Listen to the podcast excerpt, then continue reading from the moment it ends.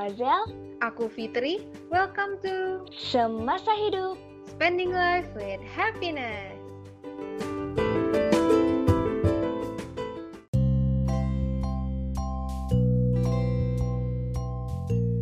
Hai hai Azel.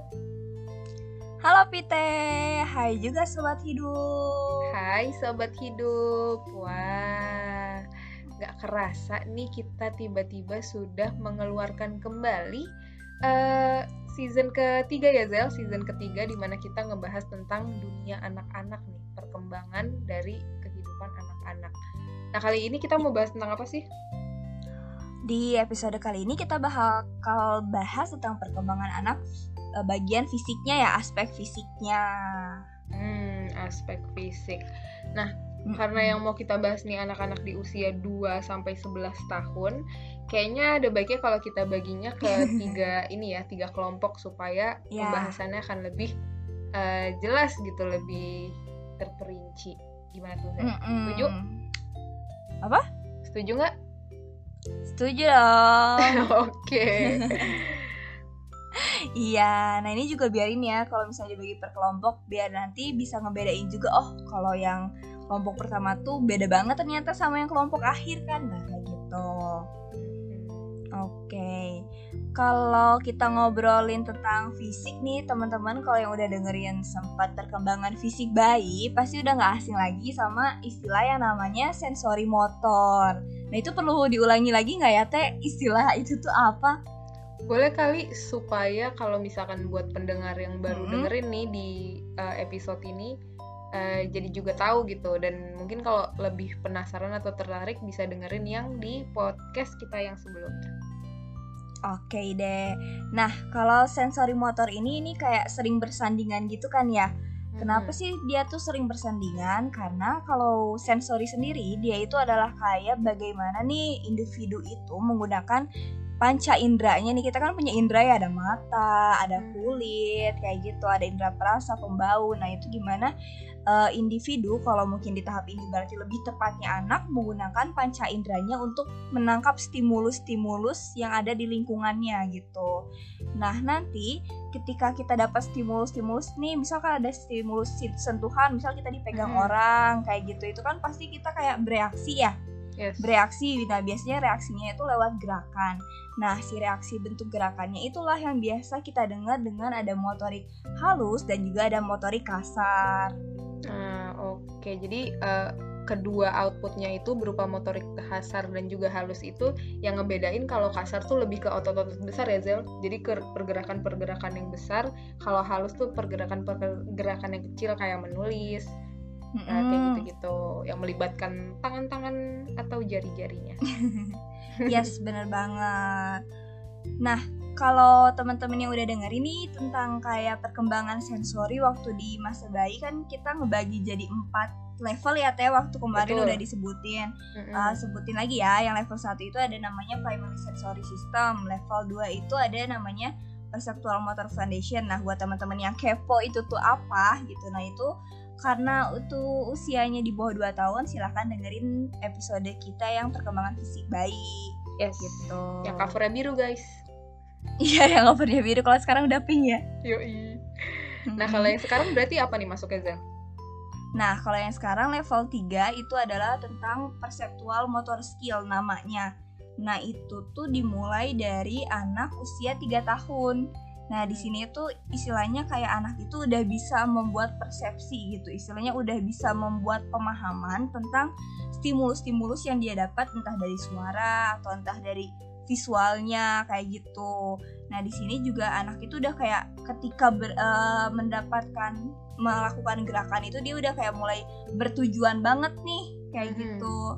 Terus di sini tuh anaknya juga udah kayak di usia mulai tiga tahun dia itu udah mulai ngoordinasiin gerak antara gerakan mata dan tangannya gitu. Jadi kalau hmm. misalnya waktu bayi cuman kayak tangan gerak ya udah tangan aja gitu kan. Kalau sekarang dia kayak ada koordinasi nih antara mata dan tangannya itu udah sangat matang gitu. Kalau itu yang level 3. Hmm, jadi sesuai banget ya sama namanya di level 3 itu perceptual motor skill di mana ya anak kalau udah bisa mempersepsikan sesuatu otomatis mm -hmm. dari gerakan dan matanya itu saling berkoordinasi jadi punya pemahaman tersendiri gitu ya. Yes, bener banget. Hmm, Oke, jadi itu level 3 guys, yang biasanya di anak-anak usia 3 tahunan gitu ya. Mm-mm, tiga tahun ke atas. Oke, 3 tahun ke atas. Nah, yang level keempat? Nah, level keempat ini itu dari usia 6 tahun ke atas. Kalau tadi kan 3 sampai 6 ya, berarti sekarang dari Mm-mm. 6-nya itu namanya academic readiness. Oke, kalau Teh udah dapat gambaran gak Teh kalau misalnya denger-denger academic readiness tuh ngapain sih? Akademik dan readiness gitu ya. Kesiapan dalam eh, apa pembelajaran akademis. Ya, Yes. biasanya ya pastinya ini ya karena ya ngelihat usianya juga nih udah enam tahun udah mulai masuk ke SD. Mm-mm. Biasanya kan anak-anak udah mulai masuk SD. Otomatis memang eh, secara akademis, secara tuntutan-tuntutan dalam eh, kegiatan yang akademik itu udah mulai ada nih. Jadi otomatis eh, kesiapan-kesiapan fisik untuk ngehadapin hal itu juga udah mulai bisa nih anak-anak udah mulai siap gitu ya. Iya, udah seti- siap banget buat nerima stimulus-stimulus berupa kayak angka, Mhm. huruf kayak Mm-mm. gitu. Dan ini kalau di sini kan level 4 ya, maksudnya di atas level yang sebelumnya. Kalau level sebelumnya itu anak baru kayak ngoordinasiin antara eh, matanya dan tangannya, tapi kalau di level 4 ini dia kayak udah bisa ngekoordinasiin, mengintegrasikan seluruh inderanya sehingga kayak pergerakannya nanti yang akan kita bahas selanjutnya di sesi motorik itu bakal lebih kompleks. Hmm, yes yes yes. Jadi ya emang ini ya maksudnya eh, ya sesuai banget tuh sama yang kemarin kita bahas. Mm-mm. Kenapa sih si motor sensori atau sensori motor ini tuh eh, perlu gitu diawalin atau dilakukan di anak-anak sebelum eh, di tahap ini gitu atau di masa-masa bayi kayak gitu. Yes. Jadi ya emang goalsnya adalah untuk si academic readiness ini supaya emang benar-benar tercapai nih di level 4 level-level yang sebelumnya tuh harus terlewati dulu. Benar, karena ini kan bentuknya piramida ya. Jadi kalau Mhm. misalnya nanti ada yang teman-teman nih datang ke podcast kita dengerin yang versi anak dan ngalamin kesulitan belajar, mungkin bisa didengerin juga nih episode kita yang tentang bayi walaupun anaknya udah kanak-kanak karena kita bahas beberapa tahapan yang sebenarnya bisa di dioptimalin sekarang juga ya teh walaupun kayak secara usia udah terlambat. Bener, betul, setuju, setuju banget. Oke, Oke. Eh bareng. Nah, jadi kalau dari sensori ini kan kayak stimulus gitu ya yang kesiapan di dalam tubuh kita. Nah, pasti kan kalau kita sebagai pengamat itu ngelihatnya kayak reaksinya ya, maksudnya perilaku apa nih yang tampak gitu kan. Nah, tadi sesuai yang kita bahas itu perilaku yang munculnya itu kayak dari segi motorik kasar dan motorik halusnya. Nah, kalau di usia kanak-kanak secara ciri-ciri umum motor- motorik kasarnya tuh kayak gimana sih teh di usia 2 sampai 11 tahun itu? Nah, kalau misalnya untuk perkembangan eh, motorik ya di anak-anak usia 2 sampai 11 tahun, itu kita akan Mhm. bagikan menjadi kanak-kanak awal, tengah dan juga akhir. Nah, kalau yang di awal di 2 sampai 3 tahun, biasanya perkembangan secara motorik kasar yang melibatkan otot besar itu anak-anak ini udah mulai bisa ini eh, naik tangga sendiri, Terus Mhm. main-main dan menendang bola-bola. Pokoknya yang yang ya karena emang udah ini ya udah udah pada baru bisa ja- baru bisa jalan nih baru bisa gunain fungsi kakinya tangannya jadi udah mulai kayak gitu sih udah mulai Oke, tapi berarti banyak aktivitasnya yang masih emang fokusnya di pergerakan tangan dan kakinya itu aktif banget gitu ya. Mm-mm, belum Mm-mm, belum se belum terarah banget ya tapi ya lebih ke lebih ke arah ya udah ngekuatin ngengembangin jadi Mm-mm. kegiatan-kegiatannya yang masih yang masih seputar kayak gitu Oke. Nah, kalau selanjutnya berarti setelah kanak-kanak awal itu ada kanak-kanak tengah nih, itu di usia 3 sampai 6 tahun. Nah, apa aja sih kalau di usia 3 sampai 4 tahunnya dulu nih waktu awal-awal baru masuk kanak-kanak tengah, anak itu udah bisa kayak berdiri satu kaki. Hmm. Nah, ya, tapi itu baru cuman kayak dua detik doang gitu, maksudnya cuma baru satu dua terus udah turun lagi Hmm. kayak gitu. Jadi sekejap doang tapi dia udah bisa gitu menahan menopang tubuh dengan hanya satu kaki. Nah, terus di sini juga dia udah kayak bisa melompat gitu, tapi melompatnya tuh masih kayak dua kaki aja. kalau maksudnya kalau dua kaki kan lebih stabil ya Mm-mm. dia belum bisa lompat satu kaki dan dia juga udah bisa mengayuh eh, sepeda nih udah bisa naik sepeda cuman masih yang kayak roda tiga atau roda empat yang istilahnya kayak apa ya dia nggak perlu nahan keseimbangannya gitu ya. Mm-mm. Mm-mm, fokusnya masih di mengayuhnya itu. Nah, iya, biasanya anak-anak di 3 sampai 4 tahun ini di kanak-kanak tengah ya di awalnya di bagian awalnya itu mereka tuh lagi ini banget gak sih Zel? Kayak lagi happy-happynya bisa melakukan sesuatu dan pasti nunjukin ke semua orang yang ada.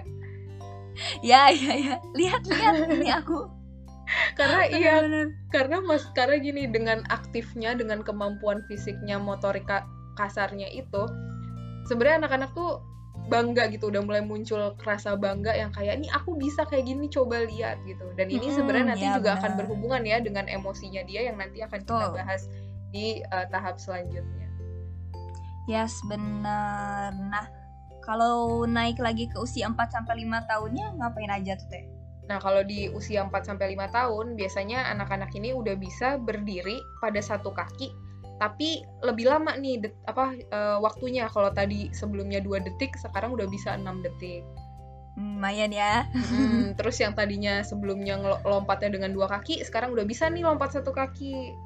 Oke, Udah lebih seneng juga, ya seneng juga buat menari-nari nih ya kan. Mm-mm, Gerakannya udah mulai kayak terkoordinasi gitu ya. Mm-mm, Dan biasanya anak-anak di 4 sampai 5 tahun nih udah lebih berani Zel. Jadi ngelakuin ngelakuin hal-hal aktivitas motorik kasarnya tuh udah bisa lebih benda- ben- berani gitu.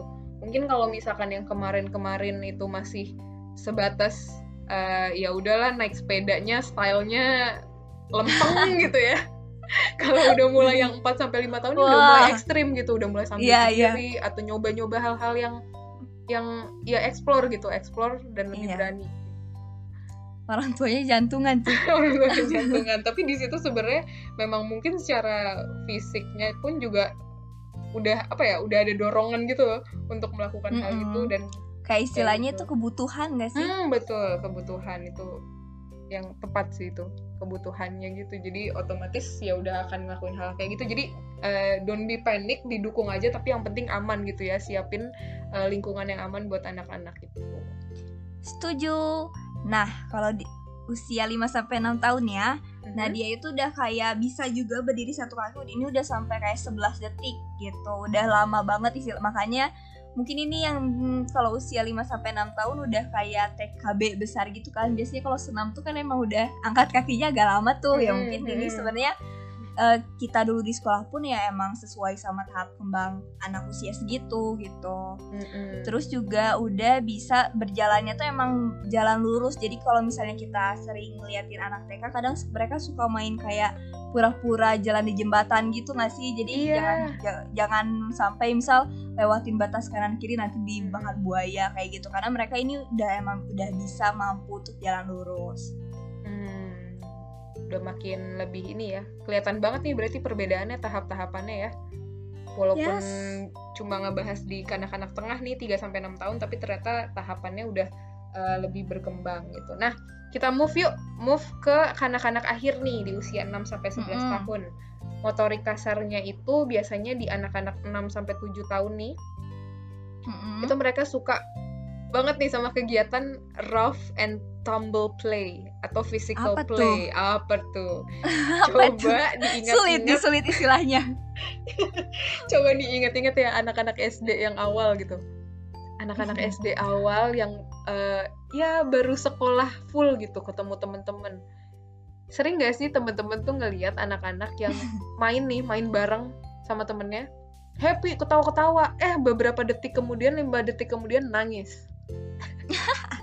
nah ini tuh ngegambarin ngegambarin kegiatan rough and tumble play. Jadi mereka tuh suka banget sama kegiatan yang eh, berbau-bau kasar nih dalam tanda kutip ya kasar dan Mm-mm. ngelibatin fisik yang kayak dorong-dorongan yang tadinya baru peluk-peluk biasa tapi tiba-tiba jadi guling-guling yang kayak gitu-gitu Iya, jadi iya, ngelibatin fisik banget Iya, aku jadi inget juga sih waktu aku SD tuh kamu tahu ini gak sih acara Smackdown ya?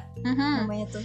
Iya itu kan kayak orang-orang tuh pada ngikutin gitu loh teman-teman sekelasku. Mungkin ini juga jadi ini ya maksudnya jadi uh, apa notice juga buat orang tua supaya emang ngejaga televisi anaknya karena ini emang relate juga nih sama usianya gitu. Maksudnya hmm. usianya tuh lagi butuh banget untuk kayak beraktivitas yang cukup menantang. Jadi kalau misalnya tambah inspirasinya yang agak kurang bisa disensor tuh hati-hati gitu. Oh, makin bubar ya. Iya ya, nanti makin-makin ya, Oke, berarti itu sih sebenarnya jadi jadi ini ya, jadi jawaban kalau misalkan memang ada anak-anak yang ya kayak Azal bilang tadi kebutuhannya ada eh ditambah lagi didukung modelnya sama juga ada kan? modelnya bener-bener bener oke jadi tuh 6 sampai tujuh tahun ya.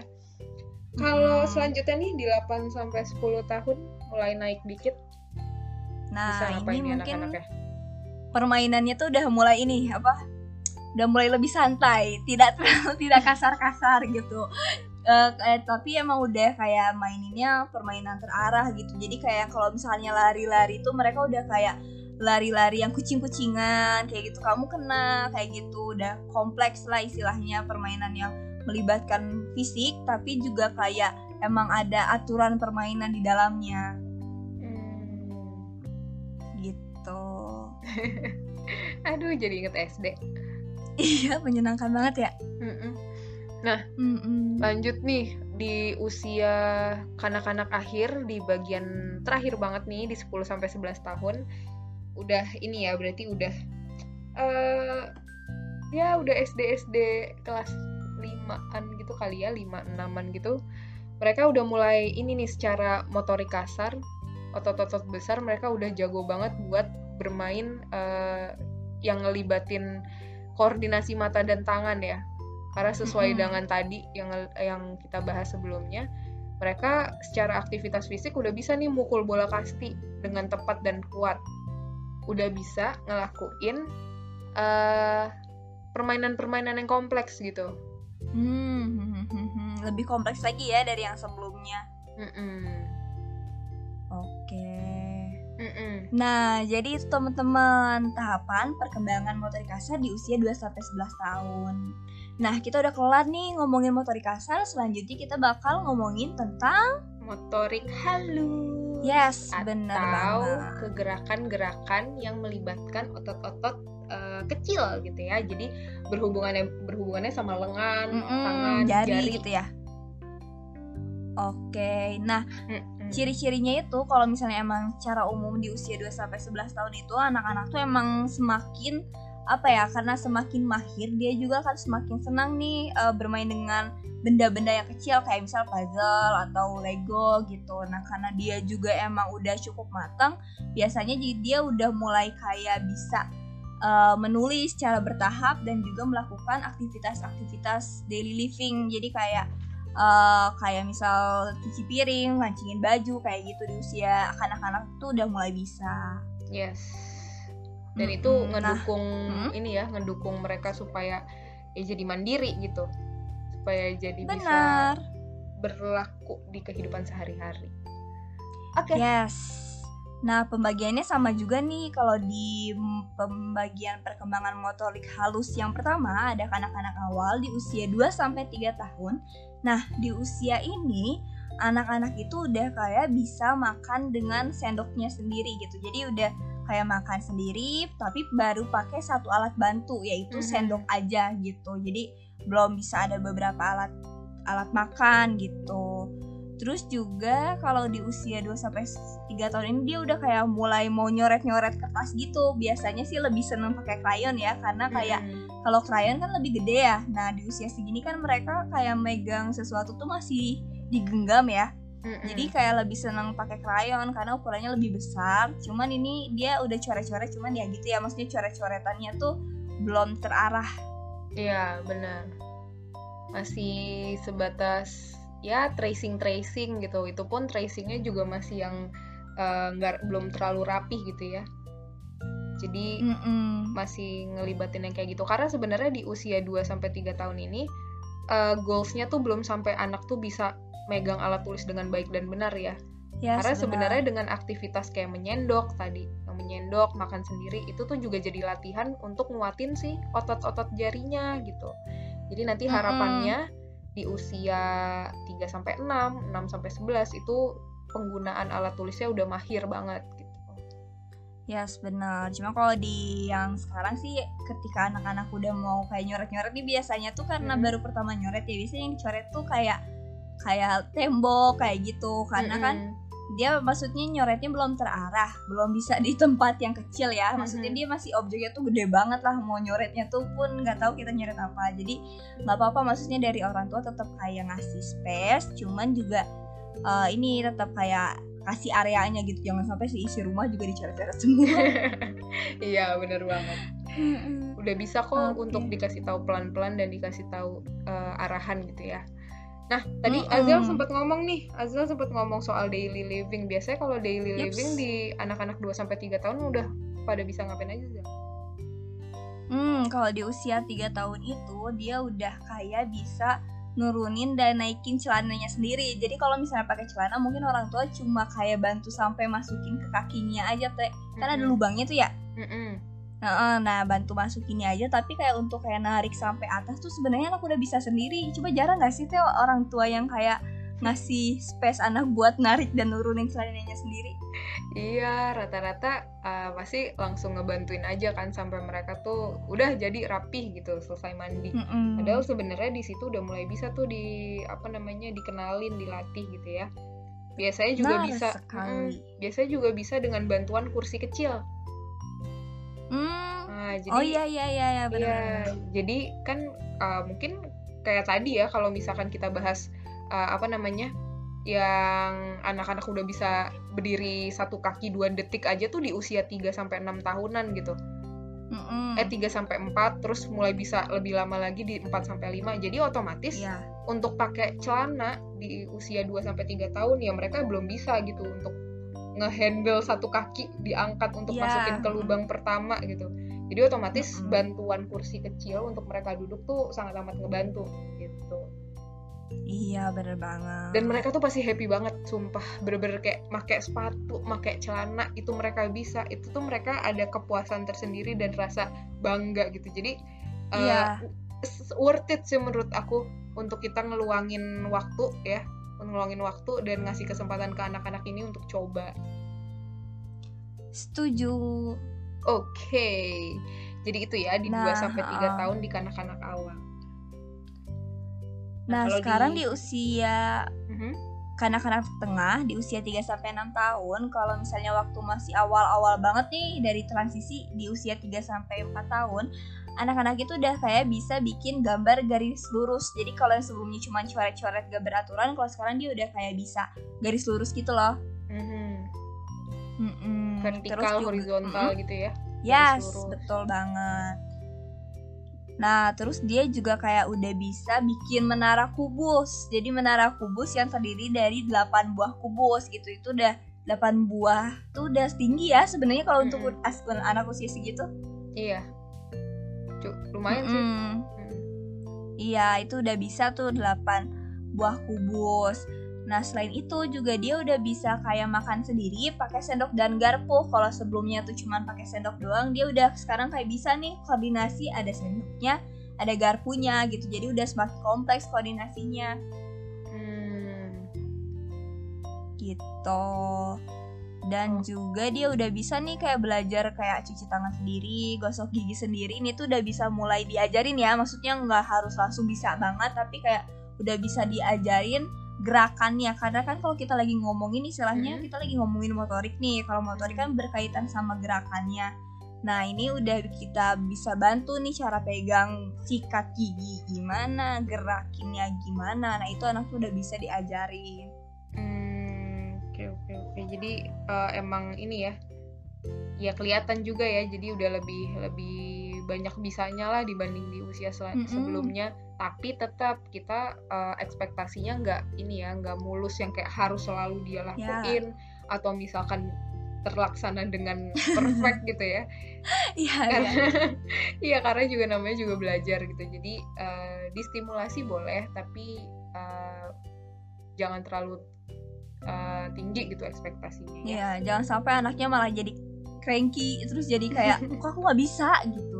Iya iya benar benar benar. Pokoknya eh, selalu ini sih selalu apresiasi eh, hal-hal kecil yang mereka bisa lakuin. Tapi ya secara jujur ya maksudnya apresiasinya apa yang emang mereka bisa lakuin ya di appreciate aja gitu Mm-mm, Oke, betul.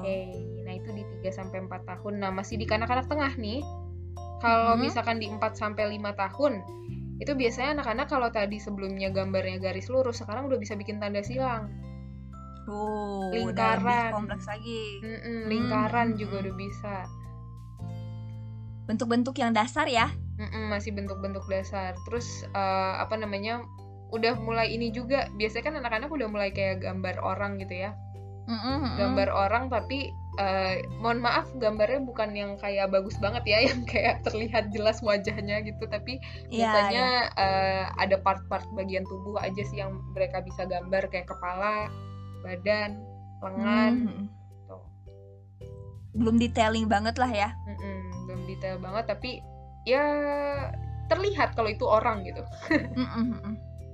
oke sip kita lanjut Nah, di usia 5 sampai 6 ya Nah di sini dia tuh anak-anak udah bisa kayak nangkap bola gitu loh.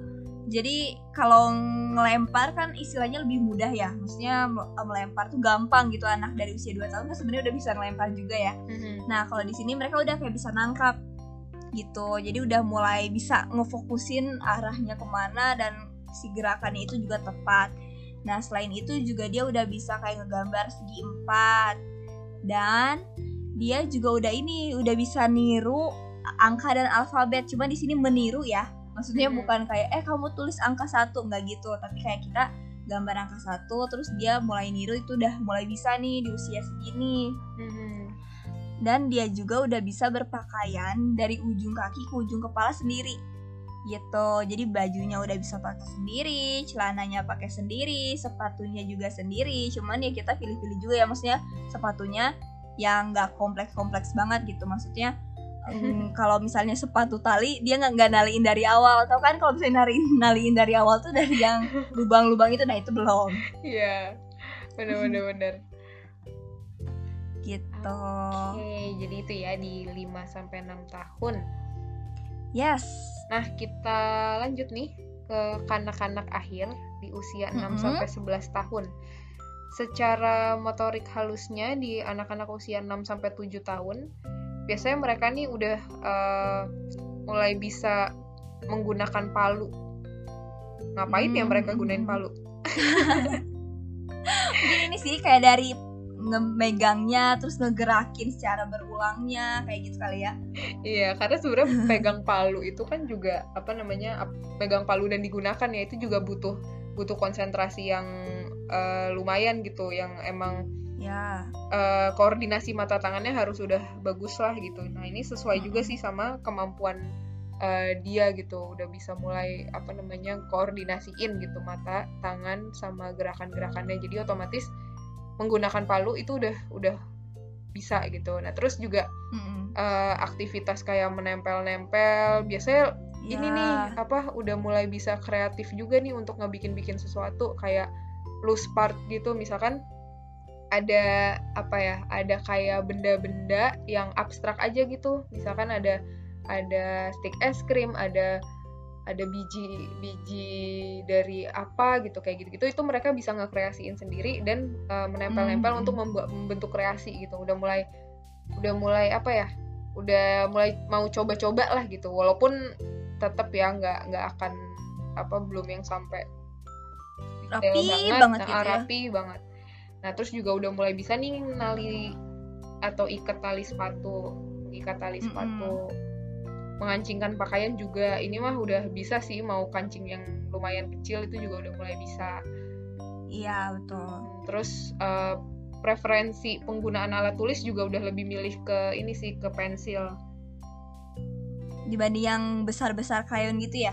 Mm-mm, kayak yang sebelumnya. Karena kan eh, ya memang udah ini juga ya udah udah familiar dan juga udah secara fisik tangannya tuh udah memadai. Jadi ya pakai pensil tuh udah bisa bisa banget lah gitu. Udah mulai ini gak sih tripod gitu? Mm-mm, si udah, tangannya tuh udah mulai tiga jari gitu megangnya. Kalau waktu krayon kan rata-rata pas awal masih kayak digenggam ya. Udah. waktu Mm-mm. usia 2-3 tahun karena kalau sekarang tiga jarinya udah kuat dia lebih mending yang kecil. Mm-mm, betul. Nah, terus juga apa namanya uh, kalau nulis-nulis pun juga ukuran tulisannya udah lebih kecil, udah udah udah lumayan kecil, tapi uh, maksudnya ini ya ada ada arah ke sana gitu, udah mulai lebih kecil dan juga uh, jarang ini kebalik. Biasanya kan hmm, kalau di awal-awal kan yeah, huruf yeah. D sama D sama B itu kebalik. Iya. Yeah. P, P sama, sama Q. Iya. Iya. Terus kadang S juga kebalik jadi salah mulai gitu loh. Salah kan S mulai di ujung kanan atas ya ini di, di ujung kiri gitu. Mungkin karena emang masih kebingungan kan koordinasinya kalau sebelumnya. Nah, tapi di usia segini udah matang. Iya, harusnya. Bener -bener. gitu. Nah, gitu. terus juga apa namanya nulis nama gitu udah bisa. Udah ya. bisa nulis nama biasanya anak bisa nulis Kenapa? nama duluan gak sih sebelum iya, iya. kayak anak tahu tahu maksudnya sebelum anak bisa baca tuh biasanya dia udah bisa nulis nama duluan karena mungkin memori kali ya iya bener kan uh, ini sih sebenarnya bukan bukan mereka ngebaca sih tapi lebih kayak fotografik memori gitu oh secara tulisan nih bentukannya kayak gini gitu namaku akhirnya mm -hmm. dia hmm, tulis hmm, hmm. dan ya anak-anak segini juga masih banyak ini sih banyak apa namanya lebih kayak menyalin gitu karena sebenarnya menulis pun uh, beda ya beda hal sama baca kalau menulis tuh ya udah nyalin aja nggak masalah gitu mm-hmm, tulis ya. disamain lanjut di uh, kanak-kanak akhir di usia 8 sampai 10 tahun itu biasanya udah pada ngapain sih Zel? Nah ini sama sih sebenarnya berkaitan sama tulisan juga, cuman tulisannya tuh udah rapi dan kecil gitu. Kalau misalnya kita merhatiin, kalau di buku tulis itu kan ada bagian kolom baris-barisnya ya. Mm-hmm.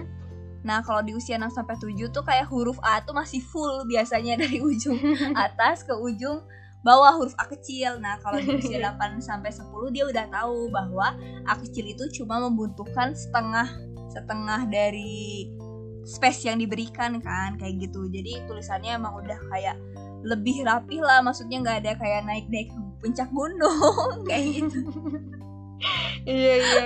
Biasanya juga udah mulai ini ya iya rapi udah udah bisa ngontrol ya. Karena kan mm -mm. udah tangannya udah mulai bisa ngontrol jadi tulisannya lebih rapi dan lebih kecil-kecil. Yes semakin betul. kecil.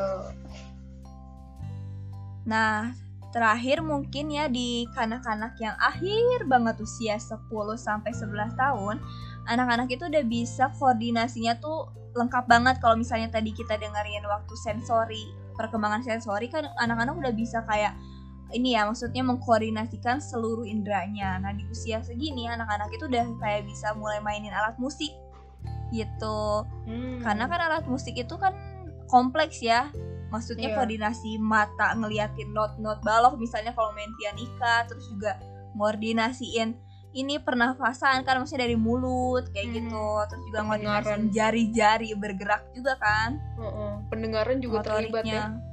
Yes bener kompleks banget.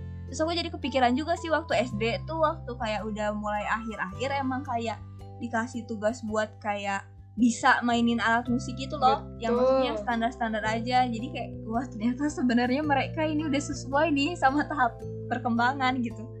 Iya ih bener ih bener banget Iya dulu pas SD kelas 5 6 kan udah mulai disuruh megang alat musik ya. Mm -mm, mm -mm. Dulu Azel main apa Zel? pianika pianika iya sama iya. pianika gitar iya sih bener-bener oh sama suling alhamdulillah ya kita pendidikannya sesuai perkembangan iya alhamdulillah oke okay. Wah seru banget ya. Jadi uh, mm -mm. itu sih gambaran di perkembangan anak-anak secara fisik ya. Dari motorik halus kasar. Iya bener banget.